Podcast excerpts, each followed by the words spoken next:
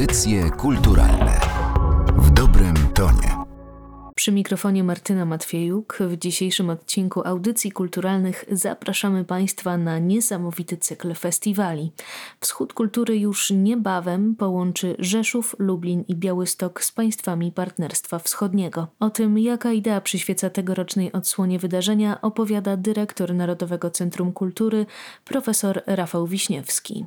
Ideą jest taką, żeby festiwal mógł być kontynuowany jak co roku, a jest to kwestia dosyć nieoczywista, ponieważ wiele imprez plenerowych, wiele z imprez zamkniętych zostało przełożonych albo w ogóle się nie odbędą. My w marcu i w kwietniu, czyli w czasie, kiedy ten lockdown był bardzo taki mocny, pracowaliśmy koncepcyjnie nad różnymi scenariuszami i muszę powiedzieć, różne argumenty się pojawiały, ale przede wszystkim takim live motywem było, żeby zrobić ten festiwal, żeby zrobić to spotkanie w trzech miastach, w Rzeszowie, w Lublinie i w Białymstoku przełożyliśmy to, co pierwotnie planowaliśmy, czyli festiwal miał się rozpocząć w Rzeszowie, bo taka jest coroczna idea tego spotkania. W Rzeszowie spotykamy się 28 sierpnia, czyli przełom sierpnia i września, ale tydzień wcześniej jesteśmy w Białymstoku, a z początkiem września festiwal zamyka się w Lublinie. To, co cieszy, to wymyślenie formuły. Ta formuła ma charakter hybrydowy, to znaczy z jednej strony wydarzenia odbywają się w takim kontakcie, bym powiedział, bezpośrednio artystów artystów razem z ich fanami, odbiorcami, ale też mamy szeroką ofertę streamingową w realizacji przez media, przez telewizję i przez radio koncertów dla tych osób, którzy z różnych powodów nie mogą uczestniczyć w tych wydarzeniach. Pamiętając przy tym, że koncert rzeszowski, który cieszył się wielotysięcznym zainteresowaniem w przestrzeni publicznej,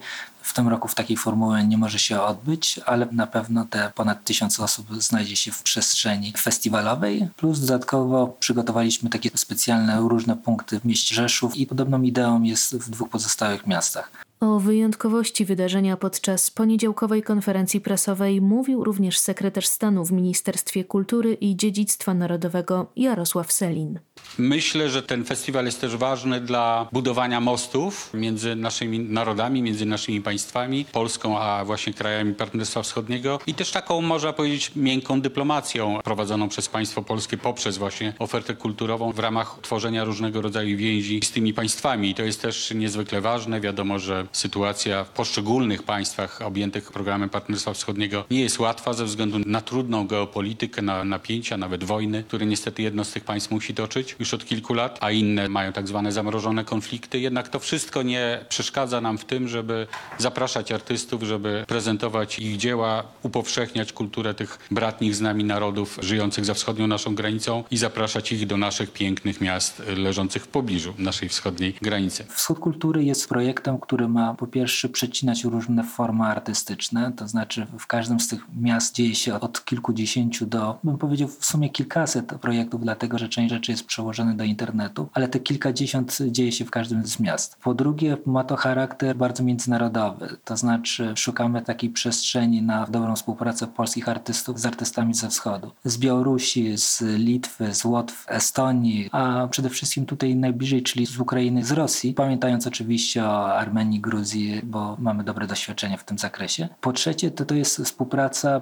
partnerska pomiędzy, bym powiedział, różnymi typami instytucji w Polsce, ponieważ z jednej strony mamy Ministerstwo Kultury i Narodowe Centrum Kultury, a z drugiej strony mamy samorządy, instytucje lokalne, NGOsy, więc bym powiedział, wszystkie instytucje, które działają lokalnie w ramach tego projektu łączą siły, powstaje taka dobra energia, która wyzwala coś niesamowitego podczas tych wydarzeń. Jest to przyczynek do mówienia o tym, że kultura ma charakter transgraniczny, to znaczy, że ona tylko nie koncentruje się lokalnie w jakichś kontekstach, tylko można jej opowiadać szerzej. W szczególności jest to czas, kiedy sami twórcy stają się ambasadorami danej kultury i opowiadają tej publiczności, z którą na co dzień nie występują, o projektach, które realizują. Same duety, które wytwarzają coś niesamowitego, czyli na jednej scenie pojawiają się artyści, którzy na co dzień ze sobą nie współpracują, którzy oddaleni są od siebie o wiele tysięcy mil czy kilometrów, którzy na mapie geograficznej może są tak blisko, jeśli skala jest odpowiednia, ale żyją w totalnie różnych kontekstach. Spotykają się, robią coś niesamowitego. W latach poprzednich za każdym razem ta scena weryfikowała i publiczność weryfikowała, jak realizowane są te projekty. I muszę powiedzieć, że doświadczenia wskazują, tak, chcemy takiej współpracy, tak, te projekty są wartościowe, a przede wszystkim mają charakter unikatowych. Myślę, że nigdy wcześniej później takie projekty po prostu nie powstaną, jak w ramach tego projektu Wschód Kultury. Przyjrzyjmy się wobec tego programom przygotowanym przez poszczególne miasta. Zaczynamy od Białego Stoku, gdzie 20 sierpnia rusza inny wymiar, o którym opowiada jego koordynator Mariusz Bieciuk. Możemy spodziewać się wielu różnych wystaw, koncertów, kilku spektakli, będą promocje książek, także dla każdego coś ciekawego się znajdzie. Zawsze chcemy prezentować różne rodzaje kultur, tak aby dotrzeć do różnych grup odbiorców, ale też pokazać różnorodność i bogactwo regionu wschodniego, ściany wschodniej w Polsce, dawnych Kresów, czy też krajów Partnerstwa Wschodniego. Wcześniej była wspomniana książka Niemodny Białystok o Białymstoku, ale będzie też spotkanie z białoruskimi twórcami, którzy napisali książki w oparciu o swoją działalność w Grodnie na Białorusi.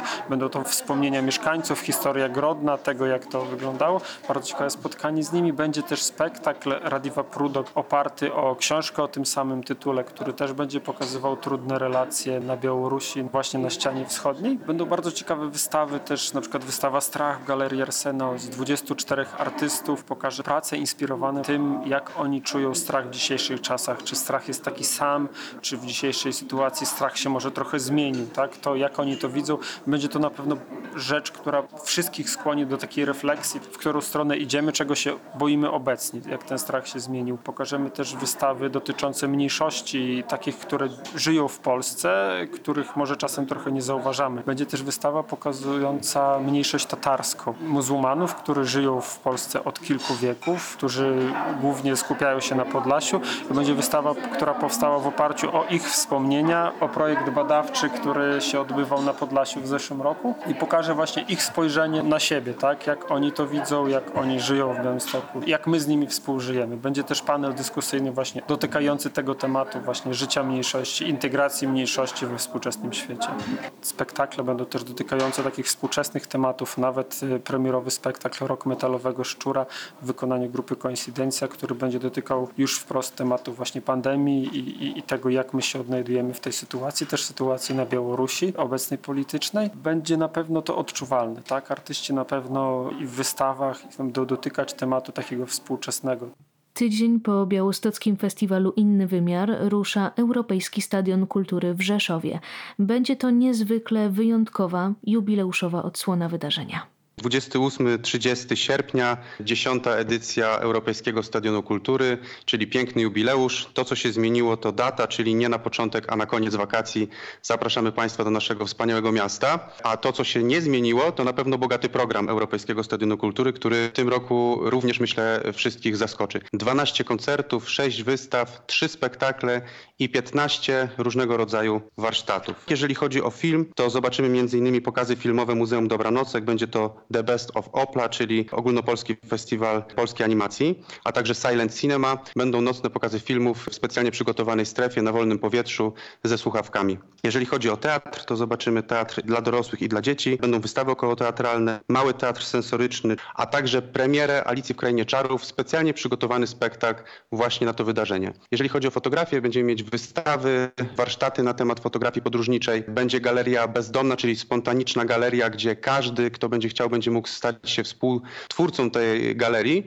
Będzie wystawa fotografii Pandomia jako znak naszych czasów. To ciekawy projekt Przemysława Wiśniewskiego, który w czasach przymusowej izolacji w kwietniu i w maju fotografował przypadkowych mieszkańców Rzeszowa w kadrze ich własnych mieszkań. Także to też będzie ciekawa wystawa, która pokaże w jaki sposób rzeszowianie przeżywali ten, myślę, trudny dla nas wszystkich czas. Taniec to kolejny z elementów tej układanki, która składa się na całość. Będziemy mieć spektakl Kraksa Teatru Odela, to będzie teatr tańca oraz warsztaty i zawody taneczne Bitwa o Wschód, czyli coś, co już na stałe wpisało się w program Europejskiego Stadionu Kultury.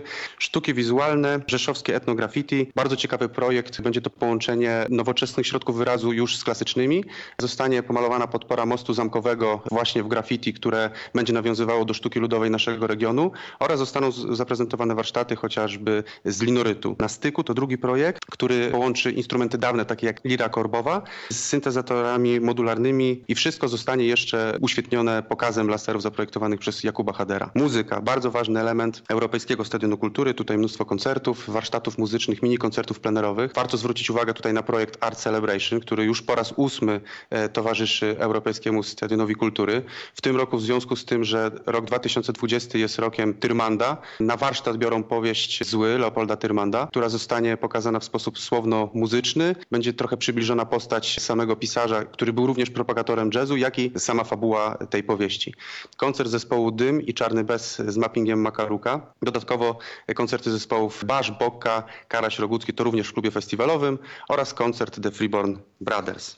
No i oczywiście coś, na co wszyscy czekamy, najważniejsze wydarzenie Europejskiego Stadionu Kultury, czyli koncert główny. Na koncercie otwarcia usłyszymy Krzysztofa Cugowskiego z Orkiestrą Filharmonii Podkarpackiej w specjalnych aranżacjach właśnie na tę okazję. No i oczywiście kolektywy, coś co w pewien sposób identyfikuje ten koncert i sprawia, że staje się on wyjątkowy na mapie kulturalnej nie tylko naszego kraju, ale myślę, że całego świata, czyli kolektywy, które w, w magiczny sposób łączą polskich artystów z artystami z krajów Partnerstwa Wschodniego. I w tym roku zobaczymy z Polski Anię Dąbrowską z zespołem Siruszo z Armenii, Sorry Boys i Nino Katamadze z Gruzji, Miłosz oraz Go A Ukraina oraz Nosowska i zespół Piwnicz z Ukrainy. O to, co w tym roku znajdziemy w Lublinie, pytamy natomiast Agnieszkę Wojciechowską, dyrektor programową festiwalu Inne Brzmienia. Festiwal Wschód Kultury Inne Brzmienia odbędzie się w tym roku w dniach od 3 do 6 września. Dużą część programu muzycznego stanowić będzie wytwórnia kultowej polskiej oficyny wydawniczej Antena Krzyku. Możemy się w związku z tym spodziewać wielu artystów, którzy reprezentują antenę. Wśród nich innymi polski towar eksportowy, indie rockowa formacja Trupa Trupa. W programie także zespół Jawa, który bardzo zgrabnie robi taką reinterpretację muzyki tanecznej, oczywiście biorąc pod uwagę ich alternatywne korzenie. Jest to bardzo odważna interpretacja. Ponadto żeńskie trio, formacja pochwalone. Jeśli chodzi o antenę krzyku, będziemy też gościć taki zespół, który jest w zasadzie od samego początku związany z wytwórnią i ma mniej więcej tyle lat swojej działalności, ile wytwórnia, czyli rzeszowska grupa 1984, więc będzie też okazja do rozmowy o tym, jak przed ponad 35 laty wyglądał w Polsce rynek muzyczny, jak funkcjonowało się wówczas w takim rozkroku pomiędzy Polską a zagranicą. Oprócz tego w programie szereg innych koncertów, chociażby Williams Things, czyli projekt łączący muzykę improwizowaną i poezję Williama Blake'a. Dwie grupy ukraińskie, Sherpa the Tiger i Pokaz Trio. Również bardzo eklektyczne, wymykające się kategorią, trudne do zdefiniowania, bardzo ciekawe projekty. Z Francji przyjedzie do nas zespół reprezentujący muzykę klubową, muzykę elektroniczną Cap Bambino. Ale to dopiero początek ogłoszeń. Będziemy informowali o kolejnych projektach, które dołączają do line-upu. Sytuacja jest dosyć dynamiczna, gdyż tak jak reżimy związane z bezpieczeństwem, tak zmieniają się też sytuacje na granicach. W związku z tym program jest cały czas w procesie. Oprócz tego bardzo bogata część literacka. Odbędą się spotkania z autorami. Wydajemy kolejnych pięć tytułów książkowych, między innymi najnowszą książkę Artema Czecha, kolejny zbiór opowiadań Ołecha Sencowa, antologię poezji łotewskiej. No myślę, że będzie to bardzo interesująca propozycja dla fanów literatury i że te książki również zostaną tak świetnie przyjęte jak nasze wcześniejsze wydawnictwa. Oprócz tego w programie pokazy filmowe, oczywiście kinematografie wschodnie, wydarzenia rodzinne, warsztaty dla dzieci, cykl wydarzeń online, koncertów, które będą transmitowane podczas festiwalu dla tej części publiczności, która nie będzie w stanie pojawić się w Lublinie. No i generalnie mnóstwo atrakcji, które czekają na wszystkich tych, którzy odwiedzą Lublin w dniach 3-6 września. Jednak poza bogatym programem organizatorzy Wschodu Kultury zadbali przede wszystkim o bezpieczeństwo.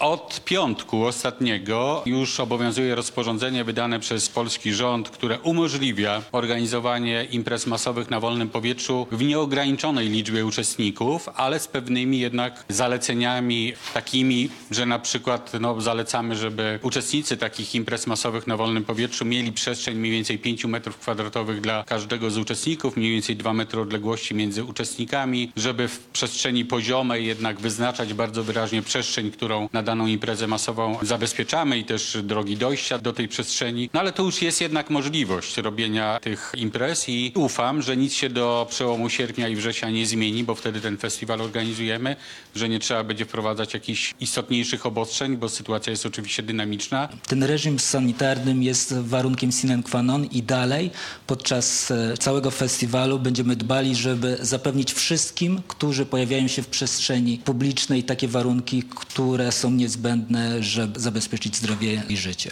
Czekają nas trzy wyjątkowe tygodnie przepełnione kulturą, której tak bardzo jesteśmy już spragnieni. Szczegółowy program Wschodu Kultury znajdą Państwo na stronie nck.pl. Martyna Matwiejuk, do usłyszenia. Audycje kulturalne w dobrym tonie.